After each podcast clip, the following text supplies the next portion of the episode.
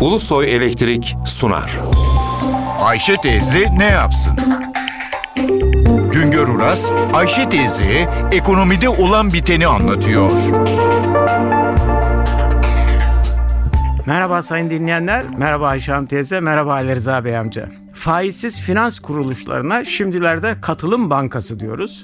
Katılım bankaları tasarruf sahiplerinden faizsiz olarak fon topluyorlar. Sonra bu fonları faizsiz olarak ticaret ve sanayide değerlendiriyorlar. Ticaret ve sanayide değerlendirilen fonların getirisi, karı varsa onu tasarruf sahiplerine dağıtıyorlar. Zarar var ise tasarruf sahibi zararı da kabul etmiş oluyor. Tasarruflardan gelen fonlar ticaret ve sanayinin ihtiyaç duyduğu makine, teçhizat ve ham maddelerin temininde kullanılıyor. Faizsiz bankacılıkta fon toplarken sabit getiri yani diğer mevduat bankalarındaki gibi faiz sözü verilmiyor. Fon kullandırılırken de nakit kredi işlemi yerine peşin alıp vadeli satış yoluyla gelir elde ediliyor. Sonra da bu gelir fon sahiplerine faiz yerine dağıtılıyor.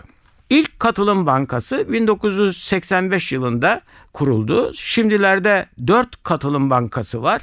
Katılım bankalarının toplam mevduat ve kredilerdeki payları %6 dolayında.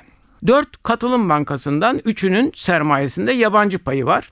Sermayesinin tamamı Türklere ait olan ve hisse senetlerinin %50'den fazlası halka satılan, borsada işlem gören Katılım Bankası'nın yönetimi şimdilerde Mevduat Sigorta Fonu'na geçti. Bankacılık Düzenleme ve Denetleme Kurumu Bankalar Kanunu'nda öngörülen şartların yerine getirilmemesi nedeniyle yönetimde değişiklik yaptı.